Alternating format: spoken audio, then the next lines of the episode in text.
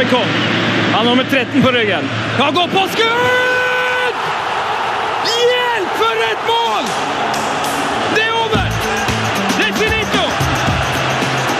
Det är klart! Vi är färdiga! Pang! Heia fotball med Tete Lidbom og Sven Biskår Sunde.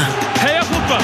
Ja, heia fotball. eh, Det, jeg prøver å snakke litt som han eh, Henning Rå, men jeg husker ikke helt. Det ble liksom mer Daniel Kvammen, uh, følte jeg. Ja. Ah, barely. barely. Rå, eh, hvor er han fra? Han er fra Eina.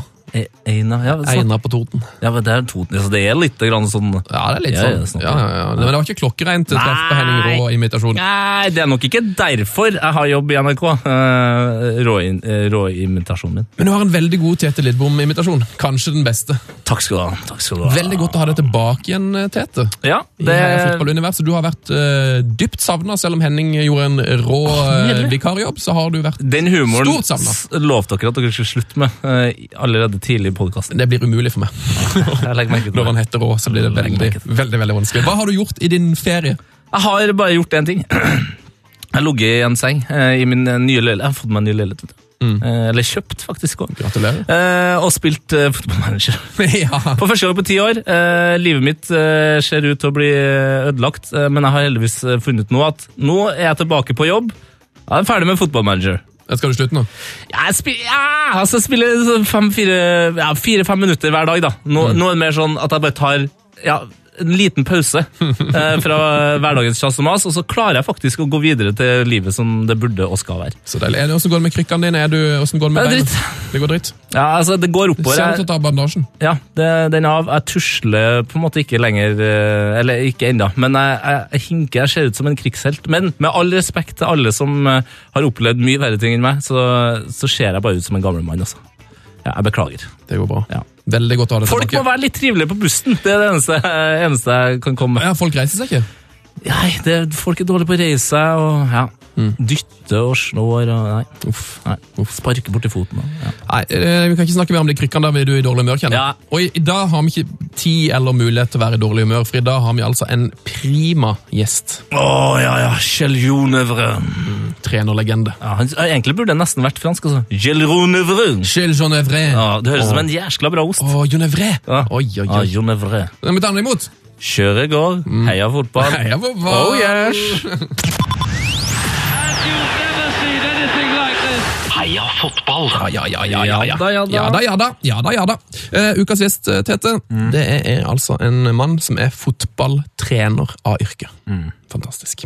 Eh, Men han har jo en ganske rå eh, spillerkarriere bak seg. Han har vært norgesmester i fotball. Han er all time toppskårer i en av Nordens aller største klubber, Tete. Mhm. Ja, han har blitt kalt unevnelige ting av Martin Andresen. Han er svensk serie- og cupmester, norsk sølvmedaljør i seriespill, og han har fått målt trenerkrefter mot selveste Juventus. Han er en av altfor få svenske som har vært innom her i Heia Fotball. Tidligere trener i Molde, nåværende vikingtrener, og ikke minst årets Romsdaling Å, ja. 2009. Eh, Kjell Jonevret, velkommen til oss. Tack så hemskt mycket, vilken eh, presentation, det var, det var inte illa. Det har du gjort er det. til. Ja. Jag tänkte säga svenska, ikke i det hela tatt, men eh! Men, eh, det stämmer. Den, dialekta der hørte vi ofte nok. Det har blivit många år eh, i Norge nu eh, om man slår ihop det. Att, men, Er det femte år i Viking nå?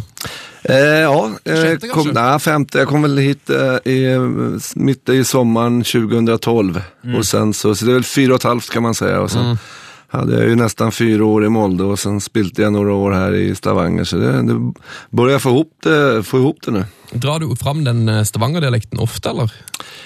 Nej, det, det gör jag inte. Eh, jag är inte så bra på den, men det, mina barn säger ju det när jag träffar dem, eh, eller vänner hemma säger ju det att du kan sluta prata norska nu, du är hemma nu. Så det kommer nog ord utan att jag tänker på det, så, så, så blir det lite ord då och då. Eh, Vår lytter Hans Christian, eh, som jeg vet jobber i Molde, kanskje du kjenner til han, han spør hvor høyt årets Romsdalingprisen henger for deg. Det är nog en av de finaste saker jag har fått, tror jag. Eh, det var liksom i konkurrens med Jon Näsbö på sin höjd och det var många andra som hade forskare och jag ska inte säga att det var nobelpristagare, men det var, det var framstående människor inom olika områden och så fick en enkel svensk fotbollstränare. Det var, jag, var, jag var väldigt, väldigt stolt eh, över det, det måste jag säga. Men, eh, och det, var, det var kul. Eh, Det er en som heter Thomas Brutz eh, på Instagram som har spurt eh, spørsmål til deg. Hvor god var egentlig Maktar Tion i 2009? Maktar Tion, det, 2009 var han ju, han var ju fantastisk. Han var, eh, det är en av de absolut bästa mittbanespelarna jag, jag har jobbat med då. Han var, han var väldigt god. Han var väldigt god. Og så hadde han, han hadde på en måte miniatyrkroppen til hulken. Altså, jeg husker at han, han Det har han fortfarande. Jag såg han senast i, morges här och, och eh, jag säger alltid du börjar bli tjock nu Maktar, säger jag åt honom. Men, eh, och då så skrattar han bara för det finns fan inte ett gram där i, i onödan trots att han inte är lika aktiv längre. Så, så eh, nej, han, han är vältrent. Er det den tonen du har med spillerne dine, at du, kan, at du slenger litt sånne kommentarer? Eh, ja, är de tjocka så får de höra det. Eh, nej, men, eh, jo, nej, men det är det. Jag, jag är ju inte kanske... Det är klart att man är inte en, en i, i spelargruppen kanske, men jag tror att det är jätteviktigt att man ska klara av att ha en bra dialog med alla. Så att absolut gör jag det och, och jag skämtar mycket med, med mina spelare. Um, altså, den her eh, jobben som fotballtrener er, er veldig fascinert av den, for du har, så, um, du har på en måte så veldig mange ting å forholde til. Du har trenere under deg, du har sjef over deg, journalister som krever sitt, eh, og så har du jo helt masse masse spillere som har forskjellige Ja, det har vanskelig jobb? Ja, men det, ja, men det, det har blivit komplext. Jag, jag brukar säga det att jag, jag tycker fotbollen har utvecklats otroligt mycket, just de här sakerna runt om. Det var väl liksom början på 2000-talet där när alla, det började komma alla webbgrejer och, och massa sådana här olika program här och där och man vart uppringd egentligen dygnet om. Och, sen är det ju, är det ju styren hit och dit och, och väldigt intresse runt fotbollen. Det, det är ju klart att det är helt annorledes nu än vad det var för 20 år sedan.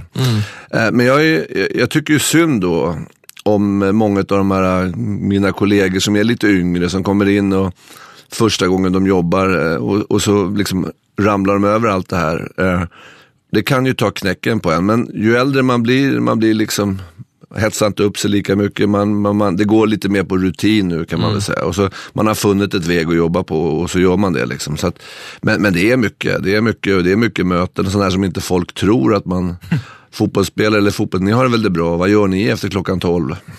ja, ikke sant? Det får vi litt i radio. Hva, Ja. hva gjør dere når ikke dere är på lufta? Ja, precis. Så att, eh, nej, så att, eh, det är klart att eh, väljer man att jobba med det jag gör, jag är ju otroligt privilegierad som får jobba med min hobby. Liksom. Det, det är ju fantastiskt och får till och med betalt för det. Och, eh, så det, jag är ju jätteglad för det. Men det är klart att du prioriterar ju bort väldigt många andra saker. Eh, Säg det nu har vi, vi ska träna någon vecka till här, men det är klart att det är inte lika fint på Solastranden nu då, som det var i somras när alla andra var lediga.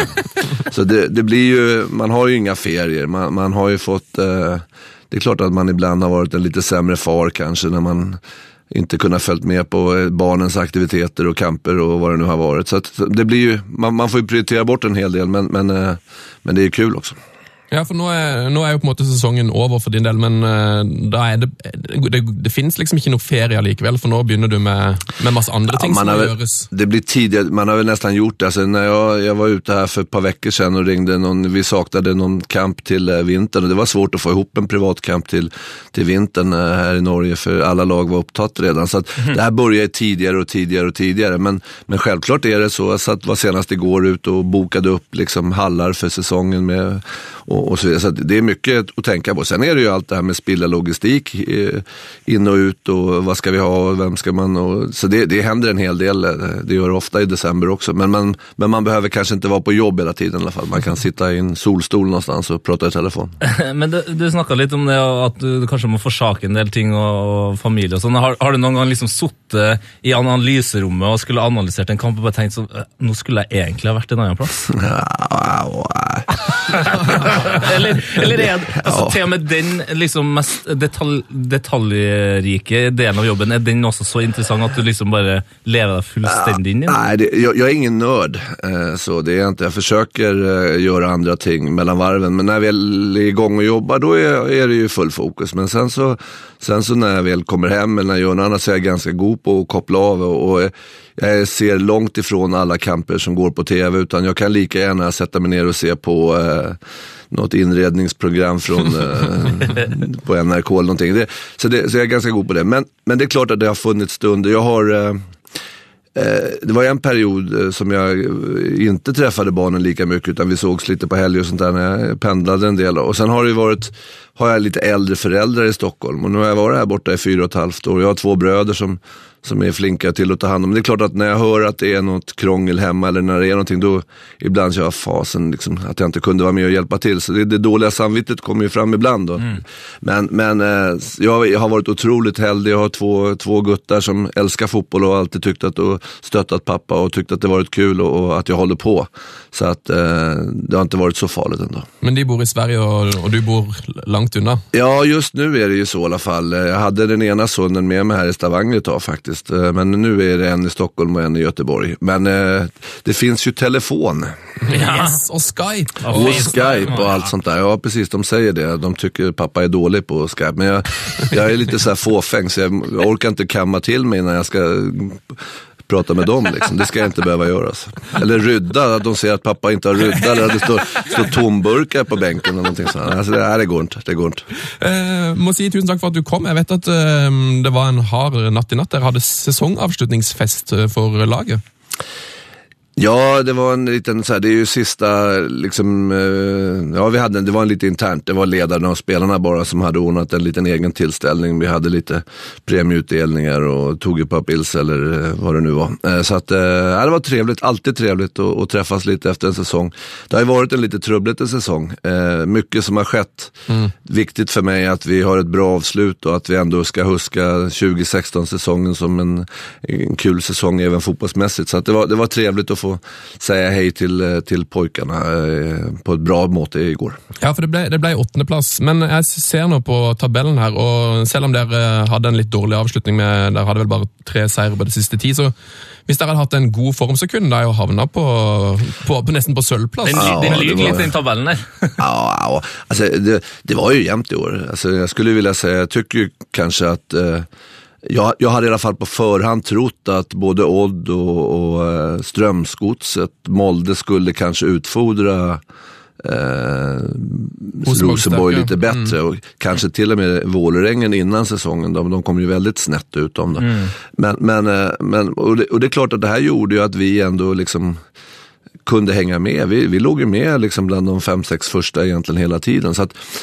och det, och det är göj. Eh, men, men i, en tabell lyger väl kanske inte eh, ändå. Då. Vi, vi, de här lagen som är för oss, de var nog lite starkare till sist. Men, men det skiljer ju bara. Det är något mål eller det är någon straff eller det är någonting sånt där. Så hade vi kunnat vara bland de fyra, fem bästa. Och det är klart att det hade ju varit, det är lite bittert i efterhand. Och man tänker ju alltid lite grann på vad hade skett om vi hade fått det där och vad hade hänt om vi hade gjort mål där. Och hur fan kunde han skjuta utanför i det där läget? Och, så att det, det är små marginer. Är det en kamp som du sitter igjen og tenker sånn at det var där der uh, eh, snudde det litt der med liksom Nej, alltså, nej, det, det är ju alltid så. Vi, hade en, uh, vi, hade, vi, vi började ju väldigt bra. Vi vann ju på, på Ullevål i premiären då. Eh, mot eh, Vålerengen och sen kom vi hem och hade första hemmakampen mot Sarpsborg och, och pressade på något kolossalt på slutet och så skjuter vi och ser en i Sarpsborg som räddar bollen med handen i 93 minuten. Mm. Och domaren såg inte det och efteråt så la han sig ju flatt naturligtvis och skämdes över det. Det är klart att de där två poängen där, de kunde ha varit viktiga på slutet. Om vi nu, men vi hade väl fan missat straffen kanske. Men, men, men, men, det är sådana små saker. Vi hade ju faktiskt i näst, näst sista hemmakampen, även om vi var väldigt dåliga i kampen mot eh, i kampen mot, eh, nu ska vi se, vad var det näst sista här, eh, Ålesund, så kvitterar vi på, eh, på slutet, men tyvärr så, så har väl linjeman lite dålig vinkel så att det blir en, eh, han vinkar av den för offside. Det är klart att den lilla poängen där kanske också hade kunnat hjälpt oss. Liksom. Så det, men så där har väl alla lag och det, det, det är säkert, även om man inte tycker det själv så jämnar det säkert ut sig på ett år. Men eh, man, man, man upplever ju alltid själv att man blir så jäkla orättvist behandlad. Men vem, eh, alltså, du sa det blev delat ut några priser och sån, igår mm. kväll. Alltså, vem alltså var mest förnöjd med prisen de fick? Var det en sån skicklig... Ja, jag tror, var, jag tror vi ska snu på det, för det var väl premierna som delades ut var nog mera sådana som man inte är särskilt förnöjd med att ja, få. Okay. Eh, vi hade en av våra afrikaner som fick eh, birth, birth dressed. Han hade ett par leopardbyxor tajta på sig i somras som, som vi har skrattat ganska mycket åt under året. Jag tror inte han var så glad när vi påminde om honom om den. Och Vi hade väl också, vi har alltid eh, årets bänk, den som liksom ligger mest på det, ligger mest på bänken hos våra naprapater, fysioterapeuter. Det är ingen man är stolt över att ligga och få behandling varje dag. Nej, eh, det, det, det är, jag vet inte, det, det var många sådana, den typen premier så att eh, det var mycket skratt. Det var mycket skratt. Årets hår, liksom värsta frisyren, där, där är det ju numera, det är ju det är ju en tuff konkurrens för att det är ju, det är fan, de ser ju, det, det dåliga är mycket dåliga svetsar som är ute och går alltså, herregud. så att eh, det var tufft men eh, det var mycket skratt. Hvem var på flest trening i år? Og hvor mange treninger får man på en sesong? Jeg regner med at det er noe som er... Ja, vi hade, vi, vi- jag, jag- jag har inte sammanställt det riktigt, men vi, vi hade Eh, internt i år så har vi haft, för det är någonting, spelarna hade ett premie som de delade ut och det var den som har vunnit mest på träning eh, när vi har spelat kamp. Jag tror inte liksom när det varit eh, fyra mot fyra och så, men när det varit lite större. Och det visade sig att vi hade i alla fall haft 76 kamper hade vi haft på träning. Sen kan det ju vara i mindre storspel och smått spel och så. Vi spelar väldigt mycket på våra träningar. Då. Och där, eh, den var, Carol Metz hade vunnit 63% utav alla kamper eller vad det var. Så att vi, jag vet i alla fall att vi har haft 76 interna kamper på träning. Men eh, alltså, det, när man ser lite sånn på statistikken till til Viking, sånn, så ser det nästan ut som det er kanskje det med å skåre mål som har varit liksom det stora problemet. Hvordan mm. Eh, altså Dere har liksom to toppskårere som har skåra fem mål. Eh, men hva, hvordan, eh, som trener, hvordan prøver du liksom å angripe det? Altså Det virker jo nesten som det kanskje er mentalt òg, eh, for egentlig hele laget. For midtbanen har vært veldig god. Ja, det, det, det, är- det naturligtvis, eh, det är så att i Viking de siste tre, fyra åren så har vi väl fått någon som har gjort en 8-10 mål så har det varit en intäktsmöjlighet för oss. Vi, vi har ju alla de här naturliga målskyttarna, vad ska jag säga, som bara inför den här säsongen så, så liksom, om vi tittar sen förra året så försvann ju liksom Veton Berisha som gjorde mycket mål. Mm. Jon Dade Bödvardsson försvann. Janne Delander gick till Rosenborg, var ju också en, liksom en bra offensiv spelare. Den här sommaren försvann eh, Suleman då som också eh, liksom, gjorde mycket mål. Och att hela tiden försöka hitta en ny som skårar mål, det, är- det är inte så enkelt. Då. Och sen har väl vi också medvetet och rätt eller fel, men vi insåg väl ganska tidigt att ska vi lyckas med den här relativt orutinerade unga truppen i år så måste vi ha ett starkt försvarsspel först och främst. Ja. För det är det som vi kommer, det är det som kommer ge oss poäng. Eh, och det har ju visat sig också framförallt på utebanor. då. Och då, jag ska inte säga att vi gav upp anfallsspelet på något sätt. Självklart har vi försökt att, att, att göra mål också. Men det har varit en liten medvetet att inte kanske eh, gambla allt för mycket heller i, i vissa kamper i alla fall. Så att vi, vi, har ju varit, vi har varit lite småkedliga kanske. men, men, men samtidigt, men sen är det ju det med naturliga målskyttar, de växer inte på träd heller och det är svårt att ersätta dem hela tiden och vi har inte kunnat köpa en färdig målskytt. Liksom. Det har inte vi haft möjlighet att göra som kanske vissa av de andra klubbarna har klarat. Så det, det, det, men vi tränar naturligtvis mycket och som jag sa, vi spelar ju väldigt mycket på träning och där, det är, liksom, där är det ju avslut och göra mål hela tiden. Så, att, eh, men, eh, så det, det är nog lite både och. Ja. Men frustrerande, visst. Det, det är vissa gånger, det är det ju. Jag, jag, jag var någon som frågade häromdagen om jag hade haft lust att byta in mig själv. Och, och det är klart att eh, vissa gånger så tänker man, herregud. Så, så, men, men någonstans så inser man att eh, jag hade heller inte, jag hade inte ens hunnit fram dit. Men, men det är klart att eh, vissa gånger så undrar man ju hur de kan bomma mål. Ja, Vi skal snakke litt om spillerkarrieren din litt senere òg, men, men det er én ting når jeg har liksom kikka gjennom eh, din eh, spiller- og trenerkarriere, så er det én ting som interesserer meg ekstra mye. Og det er at du i 2001 til 2003 trente det her fantastiske laget som heter FC Café Opera, som eh, ble starta av en italiener i 91, Alessandro Catenacci, som på en måte drev en restaurant som het Café Opera. Altså, kan du fortälla oss lite om här klubben? Ja, den finns inte längre, den finns inte kvar längre på elitnivå eh, då. Men det, det är helt korrekt att det var i Stockholm, eh, det är ju en av de större eh, krogrörelserna med, med Catenacci-familjen. Broren är ju eh, den som ofta lagar middagar på Nobelmiddagar och, och är ju en väldigt duktig, känd kock. Då. Så hela familjen där, det, det är helt sant. Och de italienare, älskar fotboll. Eh, det är klart vi ska ha ett bedriftslag. Så att eh, de började väl i åttonde divisionen och sen där i Stockholm tror jag det finns åtta divisioner. Ja. Eh, det var en del duktiga kockar och serverare. Så var det väl några, som, några stamgäster på krogarna kanske som, som tyckte att det där verkar kul. Det vill jag vara med på. Och så fick man dit eh, lite sådana här spelare som hade väl kanske var lite over the hill men de var duktiga fortsatt. Och det räckte bra så man klättrade några serier och kom väl upp i fyran och, och igen Och sen tror jag man märkte att det här börjar ju ta fart. Så då gjorde, gick man ihop med en annan klubb eh, i Djursholm då, eh, utanför Stockholm. Och så tog man deras plats i tredje division eller vad det var. Och sen gick man vidare upp och helt plötsligt så hade det ju blivit verklighet det här att eh, fan nu var det ju liksom en professionell klubb med, eh, dock utan supportrar eller vad man ska kalla det, utan de hade ju bara kommit från ingenstans. Och de åren som jag kom dit så vi hade ett väldigt bra lag alltså, och, och vi var ju bara någon poäng ifrån att gå upp i allsvenskan också. Det var väldigt nära. Eh, och det var, det, var en kul, det var en kul tid, även om det var väldigt annorlunda. Att vi hade ingen liksom, hemmaarena egentligen, utan vi hyrde in oss på, på Stockholms stadion och vi, vi hade, ja, vi var inte så omtyckta i Sverige, för vi var ju det cocky, det var, det var, vi tog lagbilden inne på opera, Operakällaren med kristallkronorna bredvid. Italienare, vi spelade naturligtvis i kappadrakter. Vi hade Pantofolo Dioro-skor.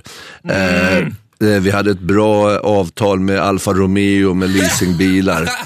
Eh, reklamen som vi hade var bara finare liksom vinleverantörer eller bryggerier eller, eller till och med sådana här eh, som eh, sköter om rouletteborden på krogarna. För skulle de få servera pils på, på krogarna då var de fan tvungna att sponsra laget. Så att, Eh, folk tyckte ju att vi var, vi var, vi var ju lite cocky tyckte ju folk. Men det var otroligt kul. Alltså det, var, det var en skojig period och vi hade många bra spelare. Det var där till exempel jag hämtade med mig en eh, första gången träffade jag en ung Mattias Moström i Molde till exempel. Han var där och spelade. Oh, och, och eh, så att det var därifrån han kom och det var, eh, det var flera Norgebekanta, vad kan det vara? Niklas Sandberg som spelade i Stabäck under en period hade jag där och jag hade Kai Eskelinen efter, några år efter Brann, han var väl på väg ut för lite grann kanske, men han var fortfarande en väldigt god spelare. Så att, så att, eh, det, var, det, var, det var ett skickligt bra lag. Det her er jo et lag som verden kjenner altfor lite til, kjenner jeg nå. Så det,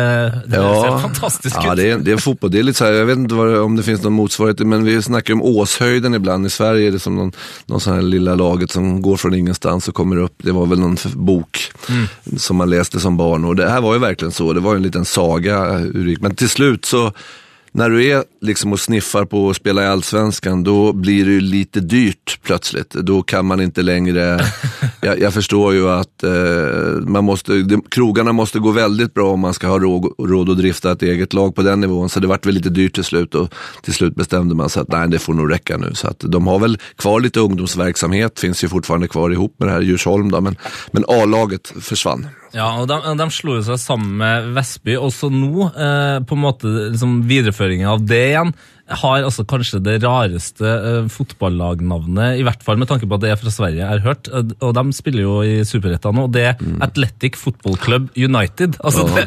det, det, Det var väl till och med så att de gick upp i Allsvenskan nu. ja, ja, det er Det är helt utrolig. fantastiskt. Och det, där är det ju en, eh, jag, jag kan inte hela historien så bra, men det är väl en, jag tror att det är någon, en man med rysk anknytning där som, eh, jag tror han var någon bussföretag och sånt där och ville ha, tyckte det här var kul och ville satsa lite och så har de fått in massa hungriga spelare. Det är, det är ju häftigt då, men samtidigt så är det samma där, de har ingen hemvist direkt utan nu ska de väl flytta hela laget vad jag förstår från Stockholm ner till Eskilstuna för där hade man inget elitlag så där kanske det kan komma lite folk på camperna. Så alltså att, eh, men men det, det, det är lite kul. Eskilstuna, är det Thomas Brolin-land, eller? Eh, Eskilstuna, Nej, Sigtuna Kenne- kanske. Ke- ja, Eskilstuna är Kenneth Andersson. Eh, den här, eh, Superspissen. Precis, det är Eskilstuna.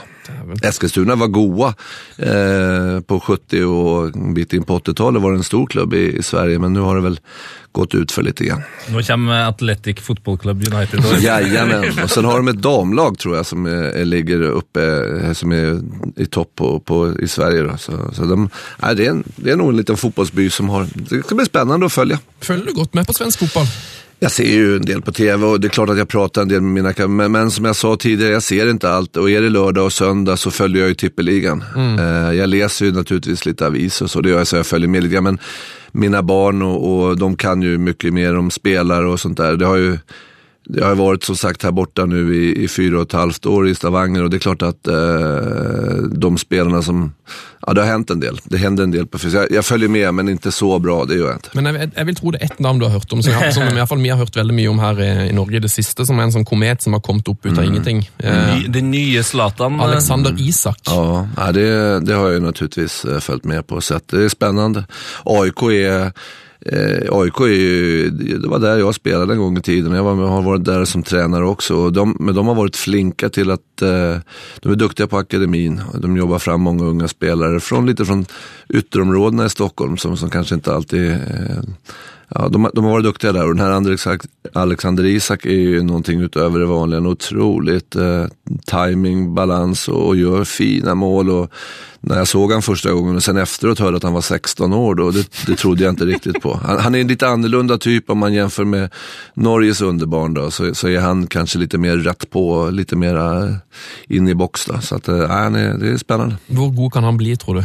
Alltså det här är ju jättesvårt. Alltså jag, jag tycker någonstans att vi har ju en tendens till att hissa de här ungdomarna lite för mycket, lite för tidigt. Och man alltså, ska in dem på landslag och så vidare. Det, det, det är liksom, låt killen mogna i lugn och ro. Men det är klart att det kommer bli jättesvårt för AIK att behålla honom. För att eh, det är klart att när klubbar kommer, eller om vi säger som Ödegård, jag vet inte vad som var bäst, om det var bäst att gå till Real Madrid. Men har man Real Madrid på visitkortet och, och eh, säkerligen ett ganska okej bankkonto så, så är det svårt att säga nej. Då. Sen, sen vet inte jag för utvecklingen vad som är bäst egentligen. Men, men det, är- det är viktigt att en sån kille nu får hitta en klubb då, om han ska vidare som, som, som förstår hur de ska använda honom och att det, är- han är bara 16-17 år och hans peak borde ju komma om 10 år. Liksom. Ja, for Jeg hørte et intervju med Ståle Solbakken som snakka om akkurat det som du er inne på nå. Eh, For Jeg tror Ståle Solbakken debuterte på landslaget når han var 7 eller 28. Og han ble jo en fantastisk eh, fotballspiller. Eh, Men det, det sier litt om hva som har skjedd, da, at man liksom krever så mye av de spillerne så tidlig. Ja, det, jag, är, jag är lite rädd att man bränner ut en del av ungdomarna. För det, det, det, det, det tar några år att bli eh, fotbollsspelare och tåla träning och, och allt det här. Så att det, att det finns en liten risk ibland tror jag att vi utnyttjar dem lite mycket. Jag vet, det här är ju någonting som, som eh, Fagemo pratar om mycket i, i i eh, Odd också. De har en hel del unguttar som har varit duktiga. Men att man, man måste, det måste få ta lite tid och de ska inte tro att de är någonting för tidigt. Eh, för det, det, det är lätt att bli lite cocky, det tror jag. Var du, eh, var du en cocky ung svensk mann når du dukka opp i, i Viking med visstnok spillernummer to på ryggen?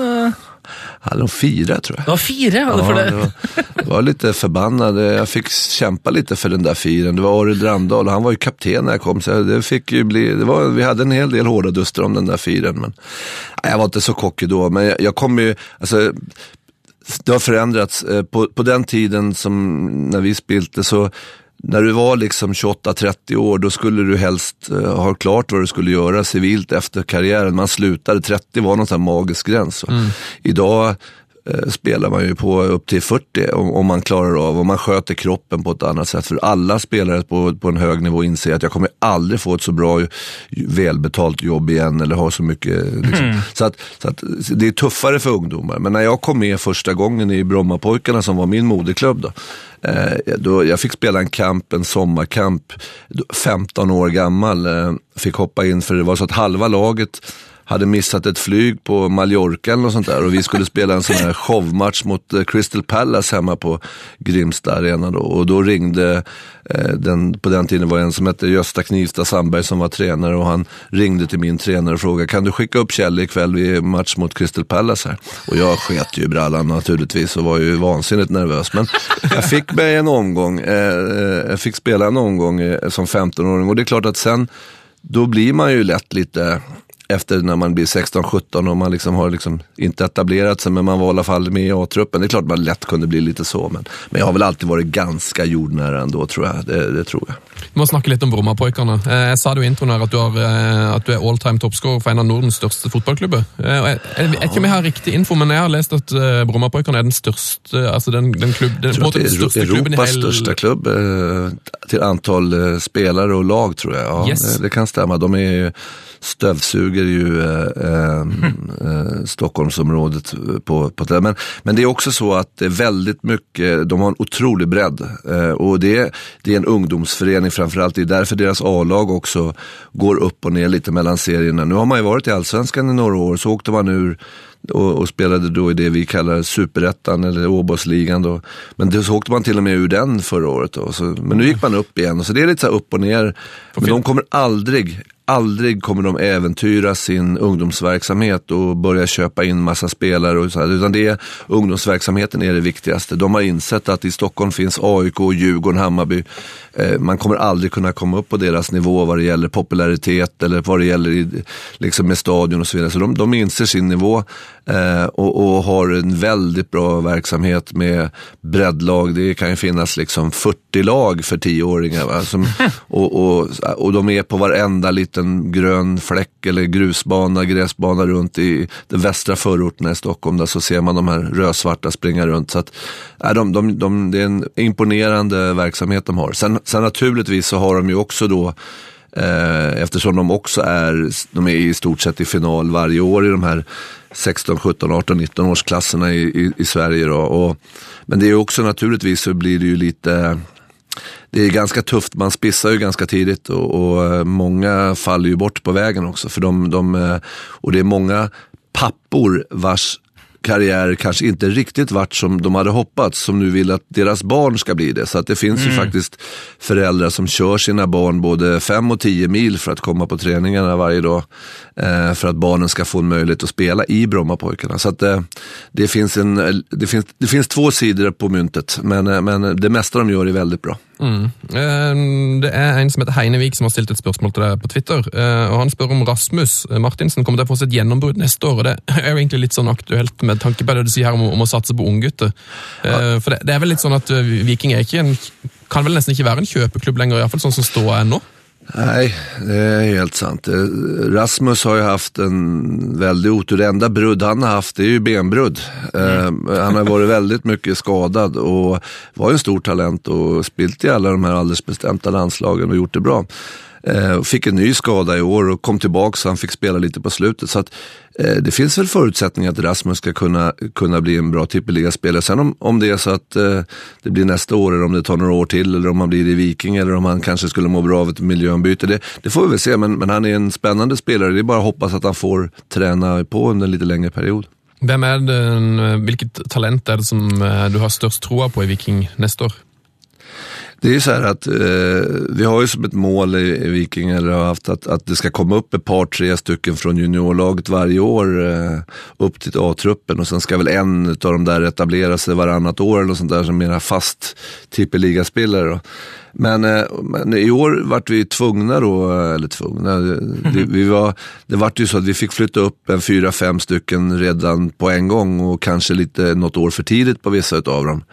Eh, men, men det finns ju några stycken som har tagit stora skritt i år. Jag tänker på Julian Ryerson som, som eh, är väl 18 år nu, något sånt där, 19 kanske. Som, som säkert, han har ju spelat en 10-12 kamper redan i år, men det kan säkert bli en riktigt bra sideback utav honom så småningom. Och fortfarande är det ju så att eh, även liksom en relativt etablerad spelare, Syme Butyk, är fortfarande bara 19-20 år. Så att, så att även om man har varit med länge, så det finns en del och, och man glömmer ofta bort det. Då. då så säger de åt mig, du måste satsa på de yngre, säger de. Och så tittar man och så, fan de är ju 19 år allihopa som spelar. Det är bara att de har varit med några år. Så att vi, jag vet inte, men det, det, det finns ju några stycken där som, som ska bli väldigt intressant att, att följa, för det, det är några bra spelare. där. Det er gøy det du nevner med Symer der, for han, eh, når han var 15-16 år, så var det jo sånn at folk, altså folk ville jo nesten ha han på landslaget han skulle bli proff, og nå har han på måte utviklet seg i fem år, han må jo antageligvis ha blitt en ganske mye bedre og mer sånn Og komplett, spiller. komplett spiller siden da.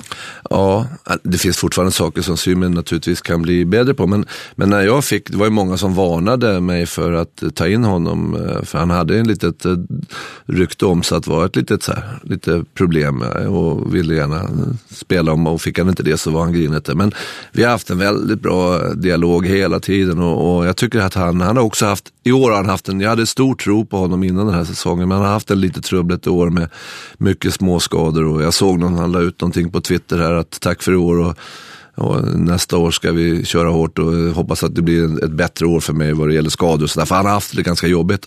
Mm. Men, eh, men eh, ja, det är en fin kille som, eh, ja, ja där har jag tro, det har jag absolut.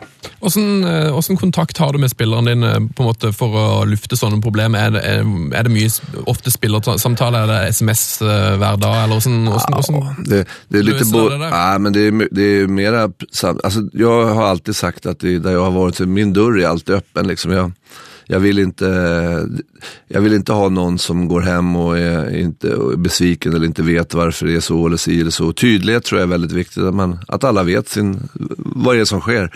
Och det kommer en hel del spelare, vissa kommer ju oftare än andra. Jag har väl haft genom åren spelare som, fan inte idag igen. Men, men, men, men, samtidigt, men samtidigt så, så vet, de får alltid komma. Och sen ser jag, jag, jag tror att jag är en ganska god människokännare. Så jag ser ju på en spelare om han är lite, hänger med huvudet lite. Eller, eller vi, ser dem ju, väl, vi ser dem ju varje dag. Så man, man ser, ser ju på kroppsspråket på dem. Och är det grejer så försöker jag alltid hur, prata lite med dem naturligtvis. Mer än lägga armen om dem och snacka lite. För det är viktigt att eh, ska man utvecklas eh, oavsett vad man håller på med. Om man spelar in sådana här podcast eller vad man gör så tror jag man måste tycka att det är göj. Mm. Eh, tycker man inte det är göj då gör man inget bra jobb. Och, jag vill att alla spelarna ska känna varje morgon när de kommer in på jobb att åh vad kul, idag ska, vi, idag ska jag hoppas att jag kan lära mig något nytt eller idag ska jag jobba med det. Eller, och, och då är det viktigt att, för kommer man dit och tycker att gud så tråkigt, ännu en dag med träning, då, den dagen hade de inte behövt komma. Ikke sant? Så att, eh, det blir en hel del samtal, men inte så mycket. Det är ju så också att eh, det blir mer och mer engelska nu för tiden. Va? Vi, vi har ju väldigt mycket spelare från andra och de är, då är det bäst att sitta ner för då, så att man vet att man får titta dem i ögonen och prata i lugn och ro. Så sms är väl kanske inte min grej riktigt. uh, vi får en del eh, lyttespørsmål. Vi har fått et eh, lyttespørsmål fra en som må være eh, stor Viking-fan, for han heter Viking for alltid uh, på, på, Twitter. Ehm, uh, og han spør i fjor økte poengfangsten etter at du gikk fra dress til treningstøy på sidelinja. Er dressen lagt på hylla, Kjell? Nej, den har varit på igen nu på slutet. Det var till och med slips sista campen för att det skulle vara sista campen på året så måste det vara lite stil. Men jag, jag brukar, jag, jag, reflekterar inte så mycket över det där. Jag, jag tänker inte så mycket på det. Jag, jag brukar fråga de som är, fråga, undrar det, så brukar jag fråga om de, hur många ishockeycoacher de har sett som står med skridskorna på sig i båset. eh, det är ju väldigt sällan då. Eh, jag har aldrig förstått det där varför jag ska sitta med skruvknott på bänken. Liksom. För mig är, är söndagen en eh, fest. Ja. Eh, det är kamp. Eh, liksom, kampen är ju veckans höjdare för mig. Och jag, eh, jag ska inte säga, jag vet inte om jag skulle ta en folkdräkt på mig om jag hade det, men, men, men, men det har blivit en naturlig sak. Sen är det ju också så att en av mina värdier som, som jag tycker är lite viktiga, det är att jag vill ju att laget ska liksom act it, eller fake it until you make it, liksom. act like winners. Jag vill att det ska vara lite stil när vi kommer runt. Mm. Eh, det kanske inte har varit riktigt så i år, vi har fått spara in på dressarna i, i Viking i år, men, men, men det är ändå, eh, så att, det har väl varit en naturlig grej också. När jag reser i den där dressen så kan jag väl ha den på mig när jag, när jag står på kamp också. Sen, Nej, jag vet inte. Jag har bytt ju. Jag är lite sådär äh, övertroisk också. Så att äh, jag hade faktiskt på mig, äh, jag byter lite då och då. Har vi spelat allt för dåligt ett tag så kan jag ta på mig någon overall. Och, och är det allt för kallt, vi var uppe i Bode här för någon par veckor sedan, då var det, då var det grilldress på. du, den her, det med den dressen er det mange som har spurt om. og det viser, Jeg har lest at du er veldig opptatt av sånn ritual, kanskje litt sånn overtroisk. At det var noe med at du vurderte å droppe dressen fordi det var, det var lykke. Hva slags, mm, hva slags ritual litt, er det du har? Nej, men lite så är det ju. Liksom. Det, ska inte säga allt, framstår man ju som en idiot. Eh, men eh, men eh, eh, jag hämtar upp eh, Ian när vi åker på camp och jag kör samma väg. Och någon gång var det lite bilar i vägen, men jag kan fan inte byta väg nu, utan då får jag ställa mig i kön där och vänta lite. Och så, man har lite sådana där saker för sig. Jag, några grejer har blivit lite dyrare. Jag har märkt att jag, det, vi spelar jäkligt bra precis när jag hade vaskat bilen när jag kom dit. någon gång. Så, så fick jag börja med det ett tag. Då. Så, så, så att jag håller på, men det är, det, det är mycket små grejer så där man håller på med. Men Så du hadde Stavangers reneste bil en periode? eller? Ja, nej, men det, alltså det är små, små saker. Men det är, lite så här, det är också lite skönt. Vet jag att jag har gjort de där små förberedelserna så vet jag ju också att eh, bra, då, eh, nu är jag klar för match. Det är väl många spelare som tar på sig skor i rätt och vissa ska alltid gå ut sist på banan och så här små grejer som, som de håller på med. Så att, eh, jag, jag tror jag har fler grejer än vad jag tänker på. Det liksom har blivit en naturlig sak bara. Ehm, vi hadde Jostein Flo innom her for noen måneder siden. og da, Han ble veldig entusiastisk på dette her med å kjøpe spillere. Han syntes det var noe av det gøyeste han gjorde. og Det er på en måte den tida du skal inn i nå. Ehm, trives du med den delen av jobben? Alltså, det hade ju varit en dröm att få köpa spelare.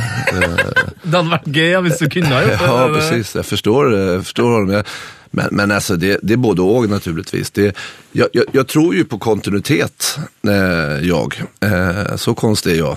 Eh, jag tror ju att det är bra att ha en spelartrupp eh, och jobba med den över en tid. Jag är inte så mycket för att plocka in massa nya spelare på sommaren. Utan jag är den gamla typen. Jag tycker om att få en trupp och den jobbar vi med i januari, februari, mars. Och sen går vi igång med tippeligan och så kör vi. Men sen har det blivit så att eh, spelare försvinner, köps eh, eller går, försvinner på sommaren. Så där har det blivit, för det är en dimension som inte fanns för 15 år sedan. Då var ju det tä- otänkbart att byta ut massa spelare på sommaren. Eh, den är, den är naturligtvis göj. Jag tycker det är göj att, jag tycker det är göj att titta på spelare. Se, om, om vi kommer tillbaka till Magdartion till exempel. Så Magdartion var ju alltså, spelade högerback i Sarpsborg, eller vänsterback i Sarpsborg. Och spelade sideback i, i Senegals landslag någon gång när jag var och tittade. Och så här, och, men man ser att det där, det där kan bli en riktigt bra central mittbanespelare. Eller, eller du har en ving som du som säger, åh vad snabb han är och så kan vi göra om honom till en bra sideback kanske. Alltså, så, så den, den biten gillar jag när man, när man letar efter dem. Liksom. Sen, sen är jag inte så ofta inne i själva processen. När de, jag, jag tycker ju om att träffa spelarna och prata med spelarna innan och så här, om det är att det är viktigt för mig att de, om, de, om man hittar en spelare som man vill ha så är det viktigt att han också tycker att det här är det checkaste som finns att komma till Viking eller till vilken klubb man nu än är i. För de ska inte bara komma dit och det, det måste vara rätt skäl varför de kommer. Men sen är inte jag inne så mycket i det som Justin håller på med, med förhandlingar och sådana här grejer. Det, det är inte jag inne i så mycket i och det, det är jag ganska glad för. Å slippe det. Ja, det är det. Men det, det är en göj period att leta spelare. Men det är klart att det är ännu checkare när man har lite midler att, att handla för. Um, det du sa her, just, Vi hadde Jostein eh, Grin, nei, Jostein Flo og Jostein Grinøy har vært innom her og, og snakka om dette med å handle spillere. Jostein Grinøy hadde jo vært mye i Afrika og sett på spillere der og hadde en del historier fra sånne ting. Er det sånn at du er ute mye reise for å se spillere? Ja, det är också lite olika hur det har varit i olika klubbar. I vissa klubbar har man ju en scout eller någon annan eller man jobbar mer direkt mot agenter och så. I, här i Viking har vi haft en scout ända fram till i höstas så hade vi hjälp av Gary Goodchild. Nu tyvärr hade vi inte möjlighet att ha kvar honom men, men då då eh, var det ju så att han var ute och sen gick, hade vi möten där man liksom pratade med, om spelare och, och är det en spelare som vi, då, det här måste vi, och styrelserna säger att ja, det, det finns en möjlighet att hämta en spelare här. Då försöker jag åka ut, när de har sett honom ett par, tre gånger, då åker jag kanske och tittar på en camp. För oftast spelar ju vi samtidigt som alla andra camper, men det är klart att jag har stått på eh, den skotska landsbygden och sett fotbollskamper eller jag har varit i, i Bulgarien eller i andra öststater och smugit runt och suttit på en iskall eh, stadion i, i Estland i, i november. Det, så det är klart att man, man har, gör det. Men, men, eh, men, eh, och det är ju göj. Vi, har ju till exempel varit väldigt mycket på Island de sista fyra, fem åren här i Viking. Då. Jag, var det även tidigare när jag var i Djurgården under några år, så hade vi också lite islänningar. Eh, så att, eh, men, jag tycker också att det är ganska skönt att vara på ungefär samma platser, för det är lättare att referera då. När man ser en camp där, då kan man referera till de man redan har haft och så vidare. Det är alltid Ja. svårt med, med nya länder. och Afrika är ju väldigt, eh, det, är, det är komplicerat eh, för att eh, många afrikaner är ju väldigt bra i 35 grader och, och, men, men har det lite tuffare när de kommer till, till våra breddgrader. Men, men, men det är ett kul, det är ett kul jobb, det är absolut en sån här, men att vara, jag kan förstå de här heltidsspejdarna för stora klubbar ute i, i, i världen och de, de, har nog, eh, de har nog glada dagar. Det är nog kul att och, och resa runt och se kamper. Det måste ju vara jättekul. Eh, Du sa det, nå hadde du sa at dere har kutta på det å gå med dress, og det, du sier at det er nesten ikke penger til spillerkjøpet. Dere har jo kutta speider. Er det, eh, sparer man seg til fant, eller altså, vil, vil man fortjent tjent i det lange løpet å ha en speider? Och det, men, men, men, just i vårt fall så är det, ing, det finns inte så mycket alternativ. Det handlar ju om överle att överleva. Jag vet ju att vi, vi har tagit beslut i, i Viking som vi kanske inte alltid har varit så smarta, eh, men vi har varit nött till att göra det för att liksom kunna överleva. Och, men men jag brukar säga det är dyrt att vara fattig. Liksom. Det, Ja. det, när, när man i slutändan av en säsong nu, vi kom åtta säger vi här, och så hade vi kommit fyra så kanske vi liksom hade fått två, tre miljoner extra i intäkter och lite mer publikum. Men då hade vi också varit tvungna att gamla med någon miljon kanske på sommaren liksom, till exempel. Och, och det har inte varit något alternativ för oss. Vi, vi, vi har liksom inte det har varit tufft, men vi har, klubben är ju alltid viktigare. Liksom. Så, så, så är det ju. Så det er ikke sånn at du eh, eh på en måte mener at jeg burde tatt den gambelen? Er du, er du tilfreds med, med ståa i Viking? Tillfreds, alltså, ja, alltså för, för mig, det, det, är klart att jag, det är klart att vi har haft diskussioner på bakrummet i, i, i Viking, det har man ju i alla klubbar. Men, men i slutändan så är jag, liksom, jag är precis lika intresserad som alla andra av att klubben ska överleva. Och det handlar ju bara om att rätta mun efter matchen. Och Viking har ju, om, om vi nu pratar om Viking då, så, så har, vi, har det ju varit tidigare, har det ju alltid för det är en stor klubb. Eh, I alla fall på pappret så är det en stor klubb. Liksom. Stavanger, stor by, fin stadion, eh, traditioner, även om det börjar bli länge sedan nu. Så, så eh, har jag alltid förvänt förväntningarna på Viking har ju, är ju alltid att man ska vara ett topplag. Liksom. Och det är klart att ibland då, om man nu har den som en, en uttalad målsättning att vara liksom ett topplag också, då måste man ju också se till att man har material eller har resurser för att eh, vara ett topplag. Nu har, vi, nu har ju det svängt lite grann och vi, vi pratar inte riktigt medaljer längre kortsiktigt i alla fall. Långsiktigt gör vi det, men här pratar vi mer nu om att utveckla, fortsätta utveckla våra unga talenter, bli mera självproducerande på spelare. För i det långa loppet så, så, så är, är ju det pengar. Eh, och Stavanger, det är väl ingen som inte har undgått att det har varit tuffa tag i Stavanger det sista året eller de sista åren med väldigt mycket nedskärningar, bedrifter som, som får avskeda folk och då det är ju helt naturligt att man då inte kan lägga samma, samma pengar på fotbollslaget även om man har ett stort hjärta för Viking. Så det är klart att ekonomiskt så det har varit tufft för Viking precis som det har varit tufft för många bedrifter i oljenäringen eller vad det nu är man håller på med. Eh, så att eh, jag har full förståelse för det. Ibland blir jag lite misstolkad tycker jag i aviser att jag gnäller och liksom suttrar och så. Men det, det gör jag ju inte egentligen utan jag är, jag är, när jag säger någonting så gör jag det för spelare och ledare att de ska slippa gå med höga skulder eh, och istället gå ut och nyt och göra så gott ni kan. Liksom. Eh, Du og Sven har eh, egentlig en, en, en fint øyeblikk eh, til felles, eh, i hvert fall som jeg har forstått Sven, fordi du spilte jo cupfinale i 1989. Da var jeg tre år, så jeg husker ikke den cupfinalen. Svagt. men, Svagt. ja, sant? Men, men Sven eh, har fortalt meg flere ganger at det er egentlig kanskje den fotball, altså den profesjonelle fotballkampen han husker, altså det var den første han husker. da. Ja, Det må være en av de første, ja. Det var till och med två. Ja, det ble, det ble to, ja. Ja, det en omkamp, ja. Det var så att vi eh, reste in, det var ju Viking Molde eh, faktiskt. Eh, eh, och vi reste in till Oslo och eh, med följde ju naturligtvis många, många tusen människor.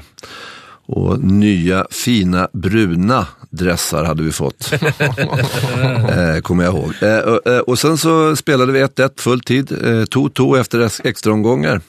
Vad händer nu då? Domaren blåste av. Det var bara att åka hem och gå ut på någon jädra åker ute på eh, uh, Jären och försöka träna en vecka till och sen in igen till uh, nästa helg och spela cupfinal. Och, och det vart ju faktiskt så att det vart oavgjort igen och extra omgångar. Men uh, den gången så lyckades vi avgöra i, i extra omgångarna. Fantastisk. Ja, for det, det er ikke alle som vet det, men det er jo ikke så lenge siden det at man slutta med det der at, eh, at man skulle spille kampen om igjen. Nej, det var, var det var ju en speciell födelse. I efterhand så är, det, är jag ju lite glad att det var vart sådär. Det var jobbigt just då. Ja. Men det här betyder ju också att det var ju liksom det var ju säkert 10 000 människor, ännu fler kanske, som hade rest till Oslo från Stavanger den här, för att se den här första cupfinalen. Och så skulle de då ha festa och vi skulle vinna och det skulle bli så kul. Den andra eh, helgen efter så var det ju inte lika givet, för då var pengarna slut. Eh, så då var det ju väldigt många kvar hemma i byn. Ja. Eh, det var inte alls ett fullt Ullevål på Camp Tou, minns jag. Men det här gjorde ju att när vi kom hem och hade vunnit den här matchen så var ju det är väldigt mycket folk kvar i byn, så den natten eh, var ju helt fantastiskt. Eller mottagandet i byn var helt fantastiskt. Och det är sådana här grejer som, som jag fortfarande liksom kan sitta och le åt och minnas. För det var eh, nere på vågen i Stavanger, så det var där man alltid hade och det är väl där Oilers brukar ha nu. De har ju vunnit en del och när det händer någonting så har man, bygger man upp en scen nere i vågen och så, så firar man där. Men den här dagen så eh, fick polisen avlysa firandet nere på vågen för det var alldeles för mycket folk och för stort tryck. Det var farligt. Wow. Så att eh, folk fick gå från vågen upp genom gatorna till Gamlestadion. Och när vi kom till Gamlestadion så var nästan stadion full skulle jag vilja säga. Det var, det var helt magiskt eh, där uppe. Det var, det var fantastiskt. Men det er jo sånn, eh, vi, vi nordmenn eh, har jo et litt sånn eh, lillebror-forhold til Sverige. Og, men Å faen. Å, faen. Men akkurat på det med cupfinale og cupen, der føler vi oss veldig trygge på at uh, cupen i Norge er på en måte større enn Sverige. Opplevde du det sånn allerede da? Ja, jag, hade, jag, jag, har varit, eh, jag har varit lyckosam i, i cup. Eh, jag har vunnit cupen sex gånger tror jag i Sverige med både som spelare och ledare. Eh, och jag, ett, ett utav de här eh, var en, eh, det var eh, med Djurgården tror jag, det var väl Djurgården, Göteborg, då, hade vi, då var det lite fest runt det. Och det var någon, när jag spilte så var det väl någon gång man hade lite kalas efteråt. Men, men det är inte alls samma proportioner, det är inte alls samma, samma traditioner med det och väldigt svagt intresse ibland. Eh, och det har ju till och med blivit så nu att nu lägger man ju ofta cupfinalen till ett utav finallagen till exempel. Och Det här med att spela på Ullevål och ha det som en fast arena, det, det är klart att det, det har ju bidragit. Då. Det, nej, där är jag väldigt avundsjuk eh, på, på, som svensk var jag väldigt avundsjuk på hur den norska kuppen fungerade. Jag har försökt att berätta och jag har jobbat också aktivt för att försöka liksom få till någonting och hjälpa till med att få upp intresset lite grann. Men, men det, här- det är svårt. Eh, Finn Olav Haga har stilt et spørsmål. eh, Jeg jeg kjenner ikke svaret på dette, men det regner jeg med det du gjør. Vil gjerne høre historien om kapteinspinnet i cupfinalen i 89. Stemmer det at Fjellberg fikk vikariere? Du, jag fick, jag fick ett, pr- ett pris här Se och Hör eller något sånt där för det. Det var, det var väl så att Svein Fjällberg eh, gjorde sin sista säsong 1989. Svein var ju en väldigt duktig spelare under många år och hade ju lite ohäll och fick en skada precis när han skulle bli professionell i, i Tyskland var det väl. Eh, och ett korsband på den tiden tog rätt lång tid. Så, det var lite synd om Svein för han, han, fick, han, han var ju en klubbspelare utöver det vanliga, men hade lite sköra ben. Den här säsongen så precis, eh, han var väl egentligen en ganska naturlig kapten när han var frisk, men han spelade väldigt lite det här året och eh, jag fick den stora äran att vara lagkapten de här, mina sista två år där i Stavanger. Eh, men till cupfinal nummer två så var Svein frisk. Eh, och eh, på cupfinal, jag, jag kommer inte riktigt ihåg, men, men jag tror att jag var kapten på cupfinal 1. Eh, men, men på cupfinal 2 var Svein med och, och då när det började närma sig där, och jag tror att jag var kapten när kampen började, men det var helt självklart att det var Svein som skulle gå upp till eh, kung Olav eh, som förste man och jag vet att jag gick precis bredvid, så det var ingen stor sak för mig eh, alls, men eh, det var många som reagerade på det efterpå och det var ju naturligtvis, det var ju rätt smart gjort av mig, måste säga i efterhand, att jag gjorde det, för jag framstod ju som väldigt eh, givmild. altså Den gavmilde svensken. Altså, men men hva, hva var den prisen du Fikk du en pris? Nej, jag, jag, jag, jag vet inte, men jag kommer ihåg att det var, det var lite ståhej om det där. Att det, det var ju, att det fanns en svenske som kunde bete sig sådär, det var ju, det var ju stort. Så, så att eh, det var, det, var, det var mycket ståhej om det, men, men det var ganska självklart. Svein var eh, väldigt stor och är fortfarande en god vän och, för mig eh, var det helt självklart. Eh, seks cupgull, årets romsdaling. Eh, du har møtt kongen i Norge. Eh, og du har spilt mot, eller du har trent et lag mot Juventus i Europa. Hvilken kamp tenker du på som liksom din, ditt øyeblikk? Ja, det, det börjar bli en del nu, men, men, men det är klart att det där som du, där du nämnde där, eh, vi, vi, var, vi var ju i, eh, vi, var, vi var ett Champions League-kval till, eh, med, med Djurgården och när eh, Tobias Hysén snor, snur runt med bollen en tio minuter, ett kvarter in i andra omgång och trycker in 2-0 till oss på utebane på Del Alpi. Eh, och du ser eh, en väldigt, väldigt liten Capello på, på bänken bredvid. Går och sätter sig medan jag kommer närmare och närmare linjen.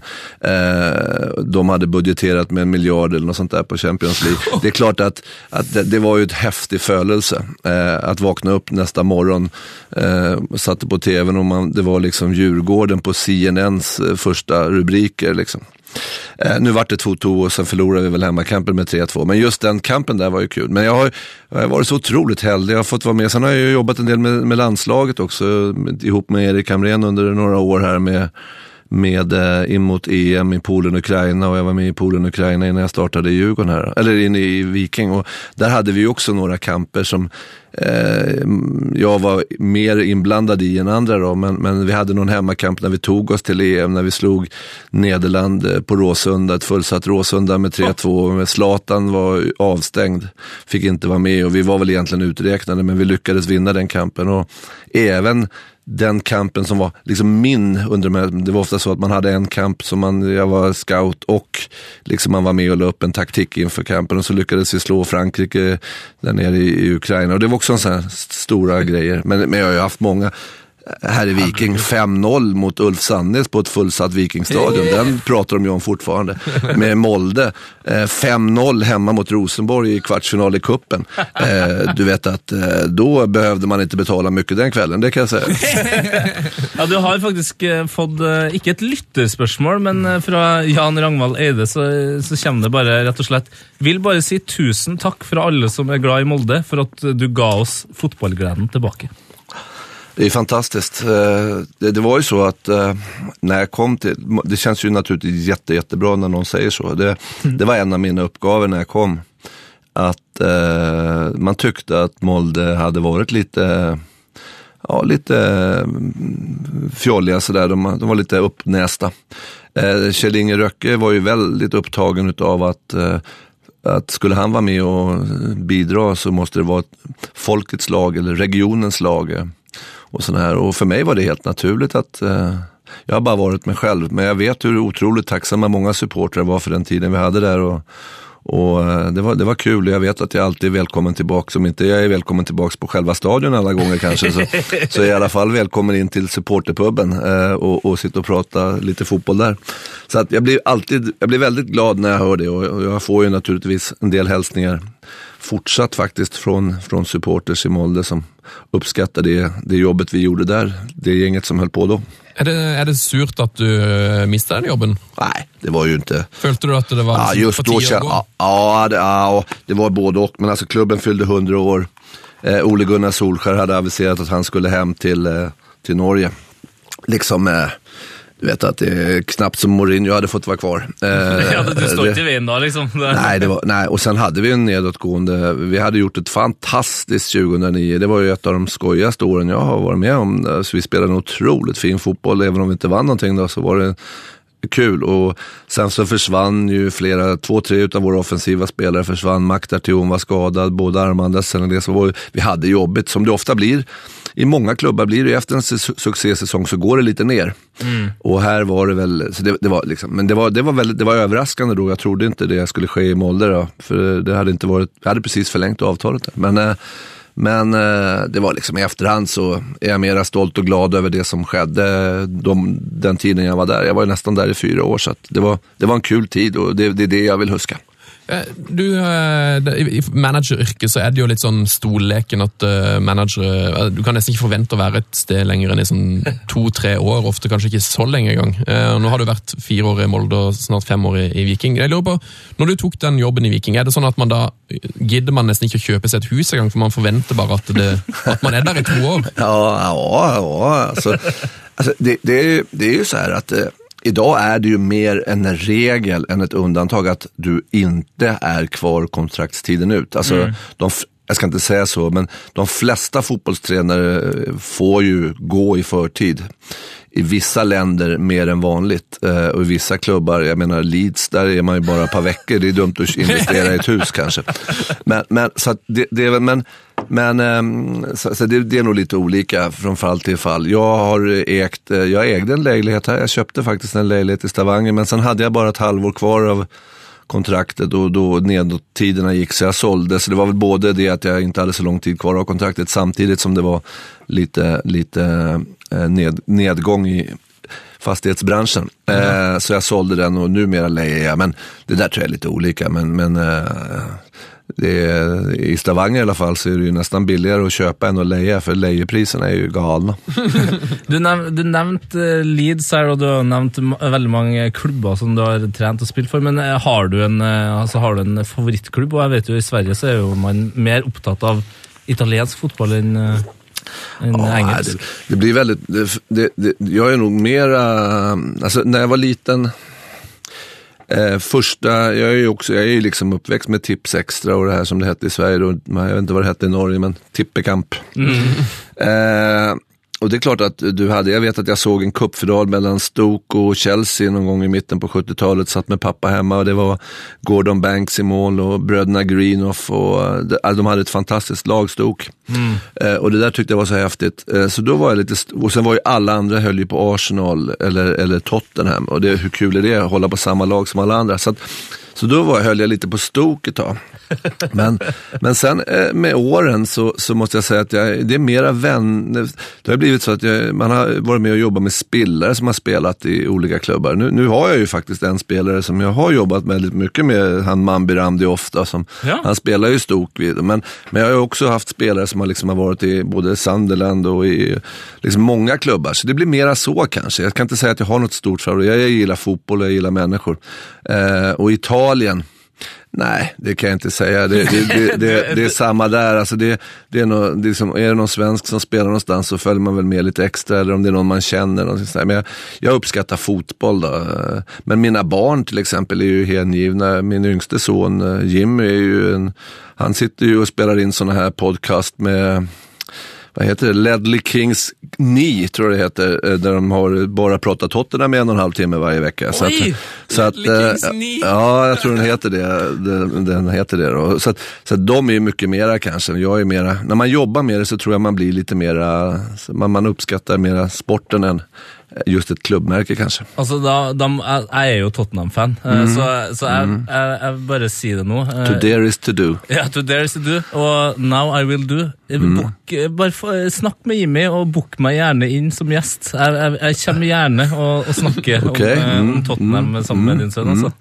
Får plugga på, de har en quiz också varje vecka och det, det, jag har fan inte haft ett rätt ännu. Det, det, den är hopplöst svår alltså. Det er Sånn jeg må lure meg inn og svare på quizen. Ja. Det er landskamp i eh, Kjell. Mm. Tsjekkia-Norge.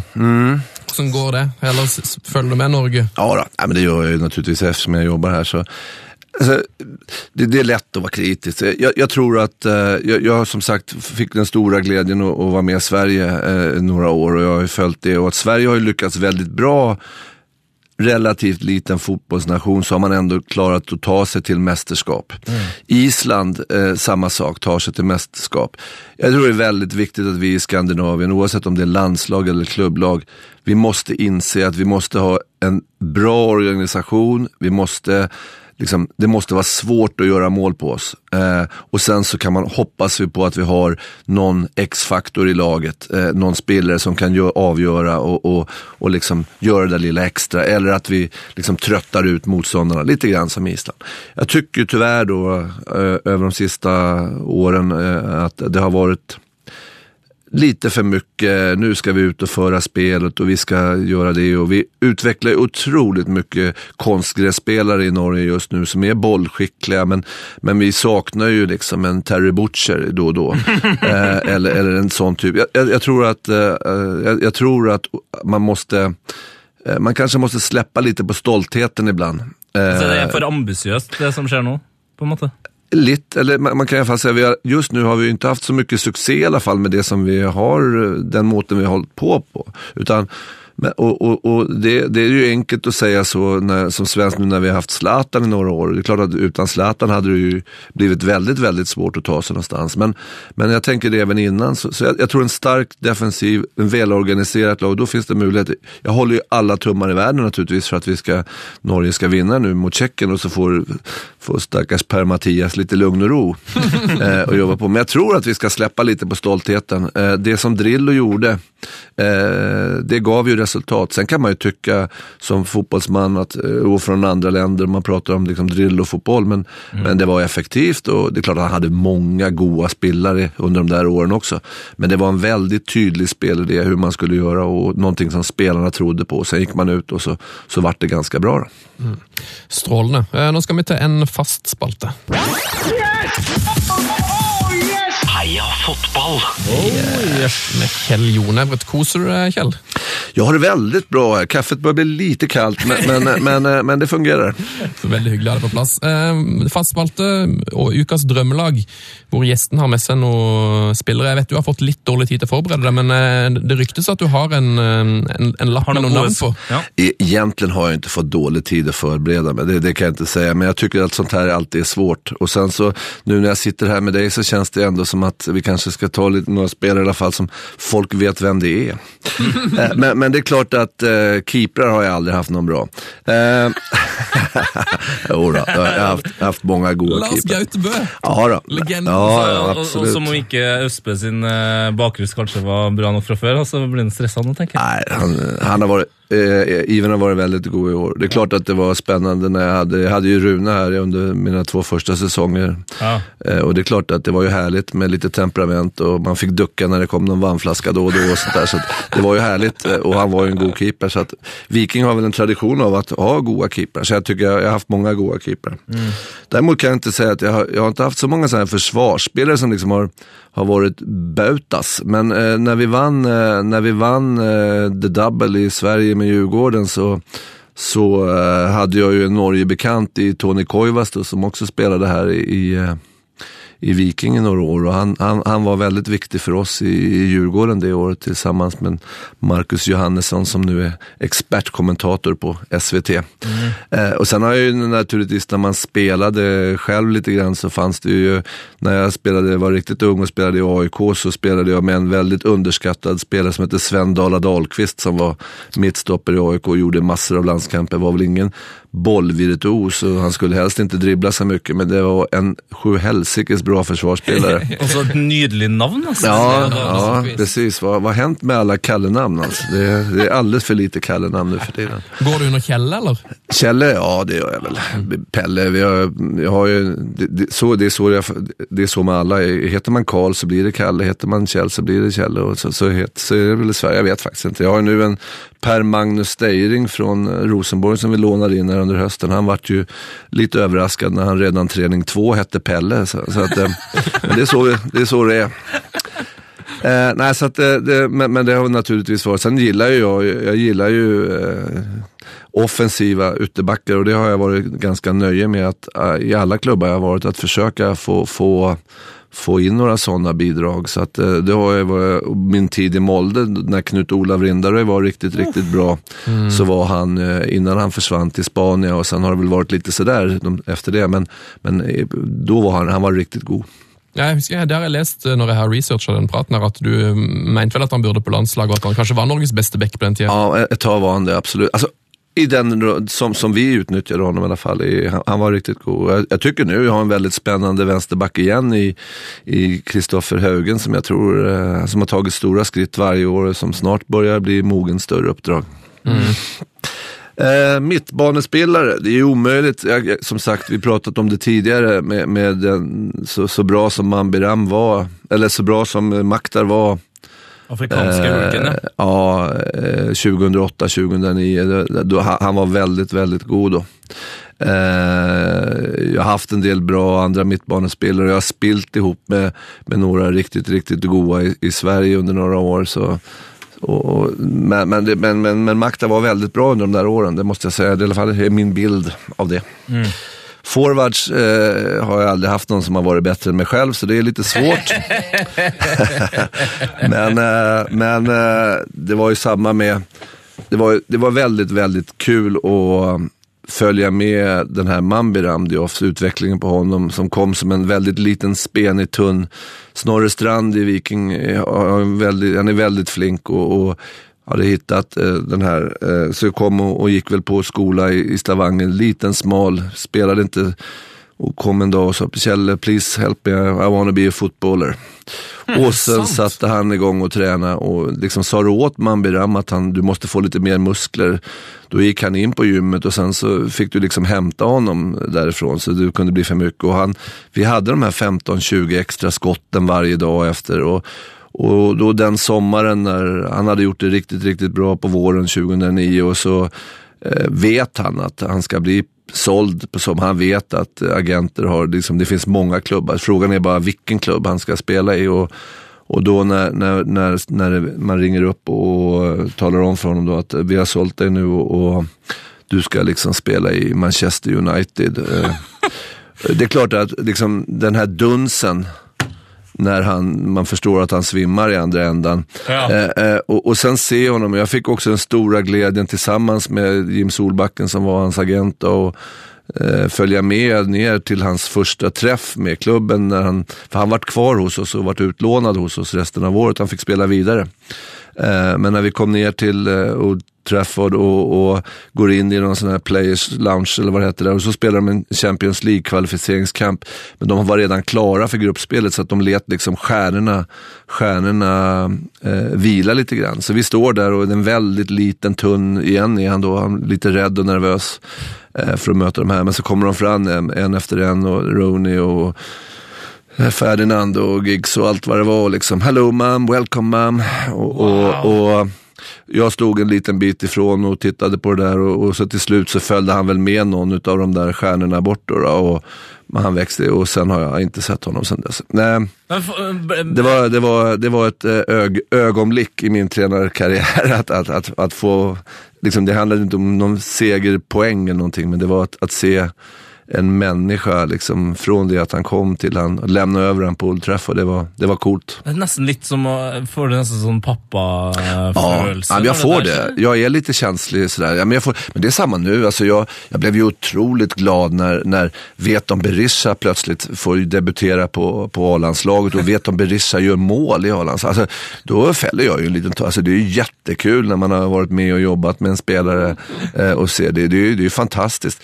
Vad är att vinna? I vissa klubbar är ju vinna bara att vinna mästerskap eller att vinna, så, men, men, men det gäller nog att lära sig också som ledare att det finns annat än bara poäng som kan vara en vinst. Eh, för mig är det definitivt att se utvecklingen på någon spelare eller att få ett postkort utav någon eller när man har fått sparken i någon klubb, att få ett, ett, ett sms från en gammal spelare som man har haft som, som, som bryr inte om vad de säger. Du är det viktigaste som har skett i min karriär. Och så. Alltså, det är sånt, eh, sånt som driver mig att komma på jobb varje dag. Att, att se utvecklingen i unga, unga hungriga människor, det, det är häftigt. Det høres utrolig givende ut. Eh, det- Men eh, den Dioff-overgangen har jo blitt utrolig mye omtalt i Norge i ettertid.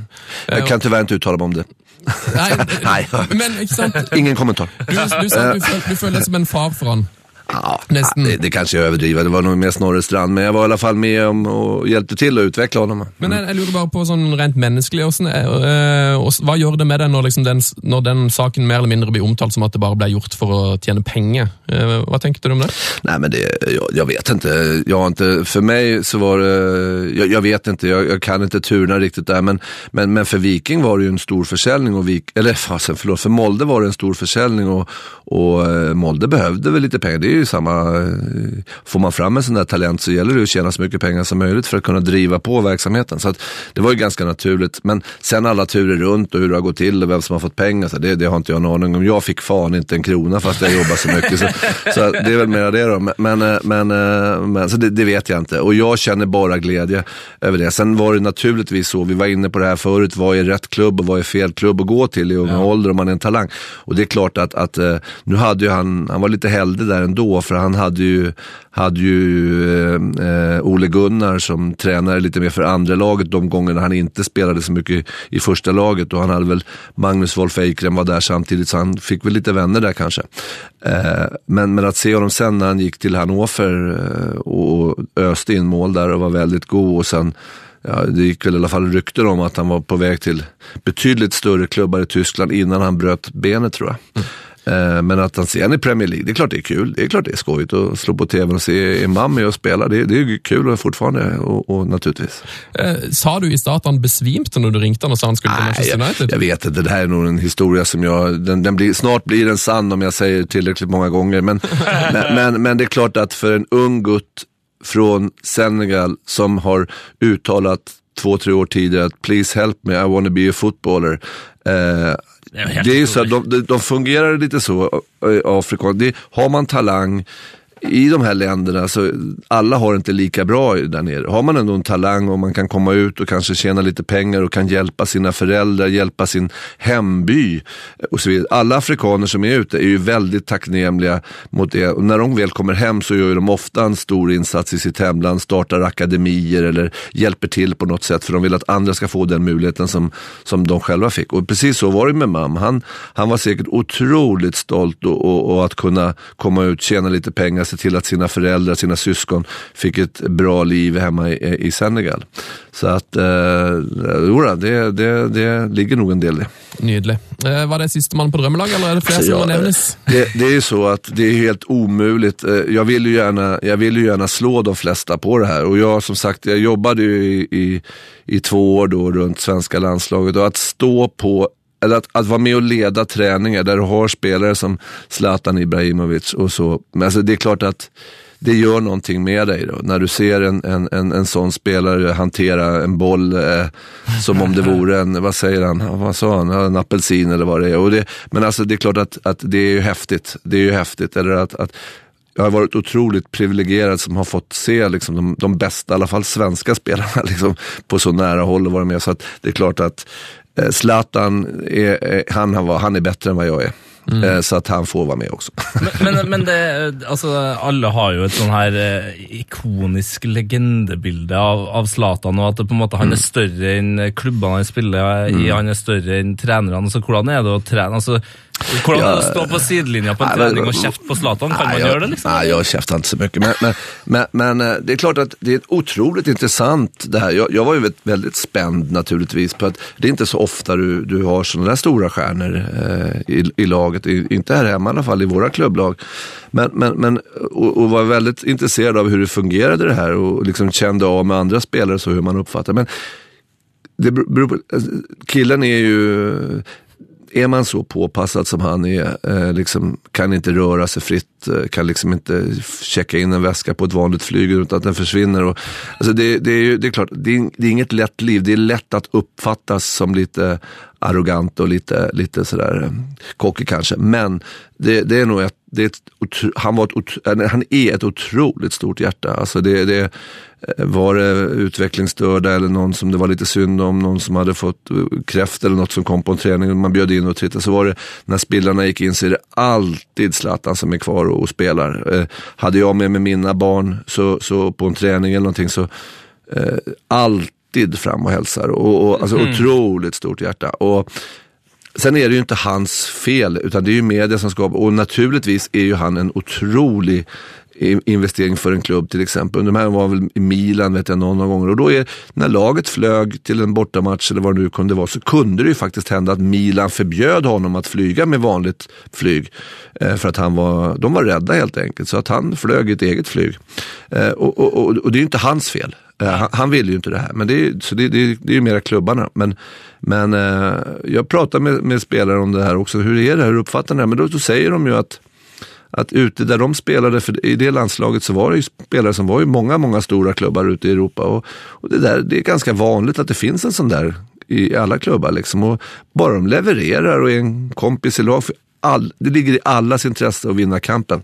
Eh, vinna så mycket kamper som möjligt. Sen får man inte bete sig hur som helst. Det, det går ju naturligtvis inte. Men det här som när jag var ung eh, började med mitt tränaryrke. Då var det ju alltid att laget är alltid störst. Och, och, alla skulle behandlas lika. Eh, här ska det vara rättfärdigt. Va? Men det har jag väl fått, eh, det går inte. Det går inte att göra så. Och det har jag förstått med, med annat också. Det handlar om ålder, det handlar om olika nationaliteter. Har man ramadan? Och, alltså, det går inte att hantera allihopa. Det gäller att få det att flyta så rättfärdigt som möjligt så att alla kan acceptera det. Och, och, och sen, eh, vi, så länge vi levererar och vinner så är det ganska okej. Okay. Wow. Oh, var... Nå lærte jeg veldig mye om, om Zlatan, kjenner jeg. Jeg visste ikke at det var så altså, det, Men det er jo selvfølgelig helt naturlig det du sier med at man til og med har sikkerhetstiltak, og at man må fly med eget fly, og han kan ikke sende bagasjen sin. og sånn. Det er jo ganske, et ganske ekstremt liv han lever. Mm. Ja, jeg skulle gjerne bytt bankkonto. ja, men, men, men, i övrigt så, så tror jeg at uh, vi har det ganske bra som kan gå rundt og shoppa och vi kan gå och göra vad vi vill. Jag tror inte att eh, han rör sig hur han vill, det tror jag inte. Var, var, du med i den processen med att få honom till att spela igen för Sverige? For han, han, hade ju egentligen gitt sig. Ja, nej, det var jag väl inte. Uh, det, jag, jag har ju jobbat tillsammans med Erik i två klubbar tidigare, Erik Hamrén då. Och, och jag hade honom faktiskt som min sista tränare när jag spelade också, som var min sista tränare. Eh, så det är att vi har en väldigt bra kemi. Naturligtvis, alltså, vi pratar om, men, men det var helt Eriks, jag var inte så inne i det här. Jag var en av flera assistenter så att säga. Så att, så att, och jag tror han eh, ger blanka fan i om jag ville att han skulle spela eller inte, om jag ska vara ärlig. Men, eh, men, eh, så det var jag inte. Men det är klart att alla som älskar fotboll vill ju ha en sån spelare med i sitt lag. Ja, så att. Eh, Eh, och jag hade väl någon tweet någon gång ute med att jag, en bild med honom och mig på där jag sa att jag försökte, jag gjorde vad jag kunde för att försöka få honom till Stavanger. och, och, och, så, många, så många tummar upp har jag väl aldrig fått tror jag. Men så jag att egentligen, även om du inte har plockat 11 spelare på, på laget, så har du liksom eh, kanske Jarstein i mål, eh, Koivasto, Rindarøy, eh, eh, Tion och Mame och Zlatan. Det hörs ut som ett lag som kan vinna mot elva vanliga människor. Så det, ja, det ser ut bra lag. Ja, fick jag plocka ihop det skulle jag göra. Det skulle bli offensivt, det kan jag säga. Men, men, men det var ju, alltså, i den där perioden, jag, jag vet att ni hade Daniel Berghesta på, på besök någon gång här. Och mm. Det är klart, i den perioden när jag, eh, när jag var i Molde, då Ehm, hade ju aldrig Maktar Tion kunnat göra det han gjorde om inte jag hade haft Magne Hoset och Daniel Berg Hestad som tog skitjobbet för honom bakom. Liksom. Så, att, så att det finns ju många olika karaktärer som, som har betytt väldigt mycket för mig, både här och i, i Sverige naturligtvis. Eh, men, men, eh, men det är svårt att plocka ut en drömelva sådär. Har du, har du sprungit omkamp med Daniel Berg Hestad på kvällstid eller? Det, det, finns ingen chans att jag klarar det. Jag var oftast trött när jag kom hem från jobbet och innan han tog sin en kvällstur. men, och, men däremot har jag, jag har försökt att hänga på eh, vid någon fest något tillfälle. Men jag tror att jag var snubblande nära att gå hem samtidigt som honom, men jag klarade det inte riktigt. ja, det är strålande. Kjell Jon Everud, eh, nå har du vært her eh, mye lenger än det, du, enn det vi hade bett om. så... Eh, jeg tror vi, vi har väl haft ganska trevligt, har vi inte det? Ja, det var jäkla trevligt. Mm. Det var helt otroligt mm. gøy at du, mm. at du, är så öppen och forteller så mycket om, om jobben din som, som du har gjort. Ja, tack. Tack, bara trevligt. Bara trevligt. Och så bör du kanske avsluta med att komma med ett, en liten spådom eller en liten, sån, en, ett litet utsagn om Viking nästa år. Då. Vad är planen?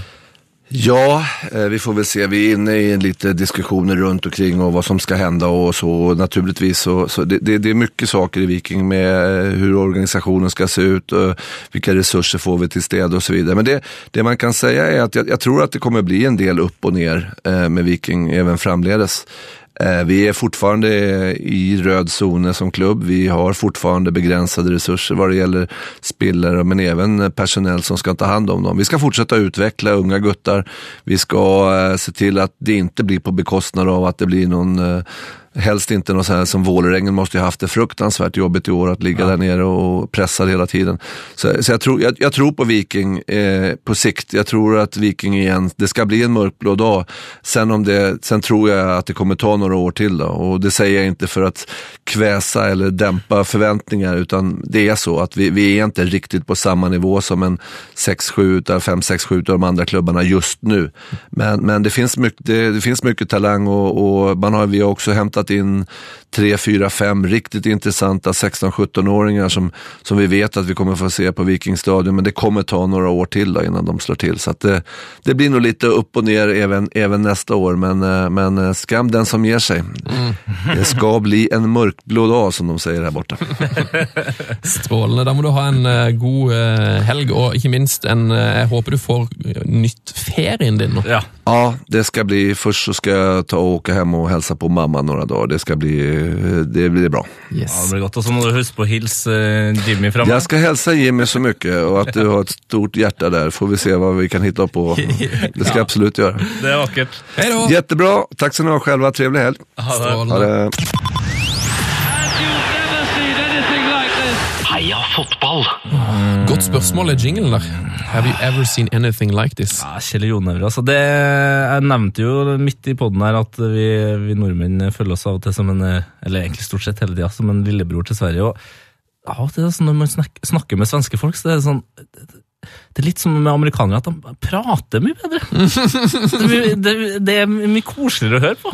Nei, eh, objektivt sett altså, Nå jobber jeg dette programmet, men jeg syns det der ble en jæskla fin prat. Ja, det ble det. Jeg må være så, Det skal være så ydmyk at Ja, jeg sier det. ja det, det, du, er, du er fra Sørlandet. Du skal få lov til å si sånne ting. Zlatan-greiene. Eh, er historien om Mambi Ramediouf. Ah, help me, I want to be a footballer. Enn at det der kan skje. Han ble jo en relativt god fotballspiller. da, vil jeg påstå. Det var veldig, veldig gøy. Eh, vi går til bredden. Steinkjer, Steinkjer, Steinkjer. Det er ingen som vi, som fotballag som vi. Gå nå på, så skal vi slå. Ingen kan slå SJFK. Lars! Velkommen til Breddefotballspalten med nettsjef eh, Lars. Nettsjef Lars. Han er ikke her eh, denne uka. her. Han, eh, Nettsjef Lars kom til resepsjon. Resepsjon, faktisk. Repsisjon. Nei. Nei, han er ikke her. Han er i eh, portugers. For de som følger oss på Instagram, så vet dere at nettsjef Lars er i Eller. Portugal Ja. på en eh, nettsjefkonferanse. Og jeg anbefaler deg å gå inn og se på Instagrammen vår P3 Heia Fotball, for denne uka her så har nettsjef Lars vært på foredrag med Figo, eh, Nuno Gomes, Gianluca Viali, Rui Costa Ronaldin. Ronald- Ronaldin. Altså, han har eh, helt åpenbart brukt sine aller beste nettsjef-skills, lurt NRK til å tro at han skal på en nettkonferanse. Louis Saha var der. Ja, og, og så har han egentlig bare nå i en uke vært i Portugal, sett fotball og hengt med altså legendene av legendene. Altså, det, er bare, det er helt utrolig. Det er helt, helt utrolig. Han har intervjua eh, Luca eh, Vialli på ti sekunder eh, om eh, Chelsea sin eh, kamp oppe i Tromsø. Yes. Så gå inn på vår eh, Instagram Peter Heia Fotball og sjekk ut intervjuet der. Riktig. Eh, men nettsjef Lars leverer likevel, han. Han har nemlig sendt oss et brev fra Portugal Se her, ja! til Norge. For en, eh, det er et veldig fint eh, frimerke. En skater. Så Det har kommet et brev i posten her, og der står det til Brede Fotballspalten 10.11.2016. Siden jeg er bortreist på nettsjefkonkurranse, har jeg forberedt, en breddesak på forhånd. Håper brevet rekker hjem i posten i tide til dere gjør opptak til podkasten. Christian Holum tipsa oss på Twitter om denne. Eh, Det er en sak skrevet på joe.co.uk om et lag i femtedivisjon i engelsk breddefotball, eh, nemlig Merseyside-klubben Southport FC. Så eh, nettsjef Lars skikkelig internasjonal uka. her, altså. I- Veldig. Draktansvarlig i Southport har gjort et spennende valg når det gjelder bortedrakter. Hjemmedraktene deres er gule, og da de skulle velge farge på bortedraktene, så valgte de gule. Riktignok en litt annen nyanse av gul, men fremdeles veldig gul. Man kan si at konseptet bortedrakt vannes ut fordi man ikke har mulighet til å bytte til et annet eh, draktsett i tilfelle motstanderlaget spiller i samme farge.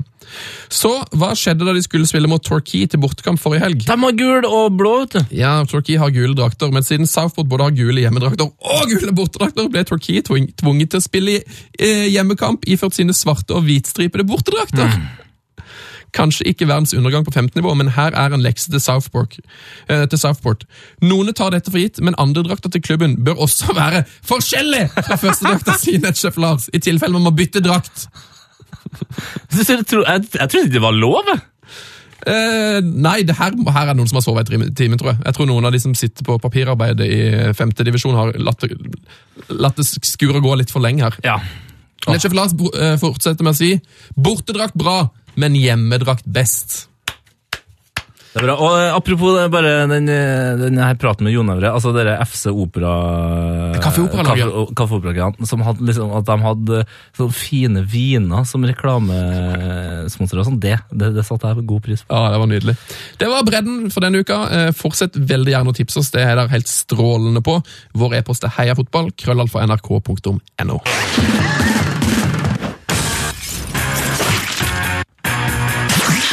fotballs glory hall. Oh, yes! Hva er Heia fotballs glory hold, Tete? All Heia fotballs glory hold, Sven. Hva er det for noe? Altså, det, det er på en måte det er nesten så man skal si at det er abstrakt, men samtidig så vet jo jeg da, eh, at det er en planet uh, utenfor den her melkeveien som du kan eh, se når det er mørkt nok, i hvert fall nå på vinterstid. Og der, der er gresset grønt, altså. Der er det de fineste, rareste, nydeligste, beste spillere, som for eksempel eh, Bixent Lizarazu. Ja, han har vi hylla der, ja. ja, ja, ja. Maldini. Og, ja, og ikke minst Andi Selva. Mm. Den her enorme spilleren for uh, storlandet og storlaget San Marino. Han er der. Tom Nordli er der. Jon Carew er der. Ja da, Charles Bærstad er der, og ikke minst Mark Albrighton. Eh, Batistota der.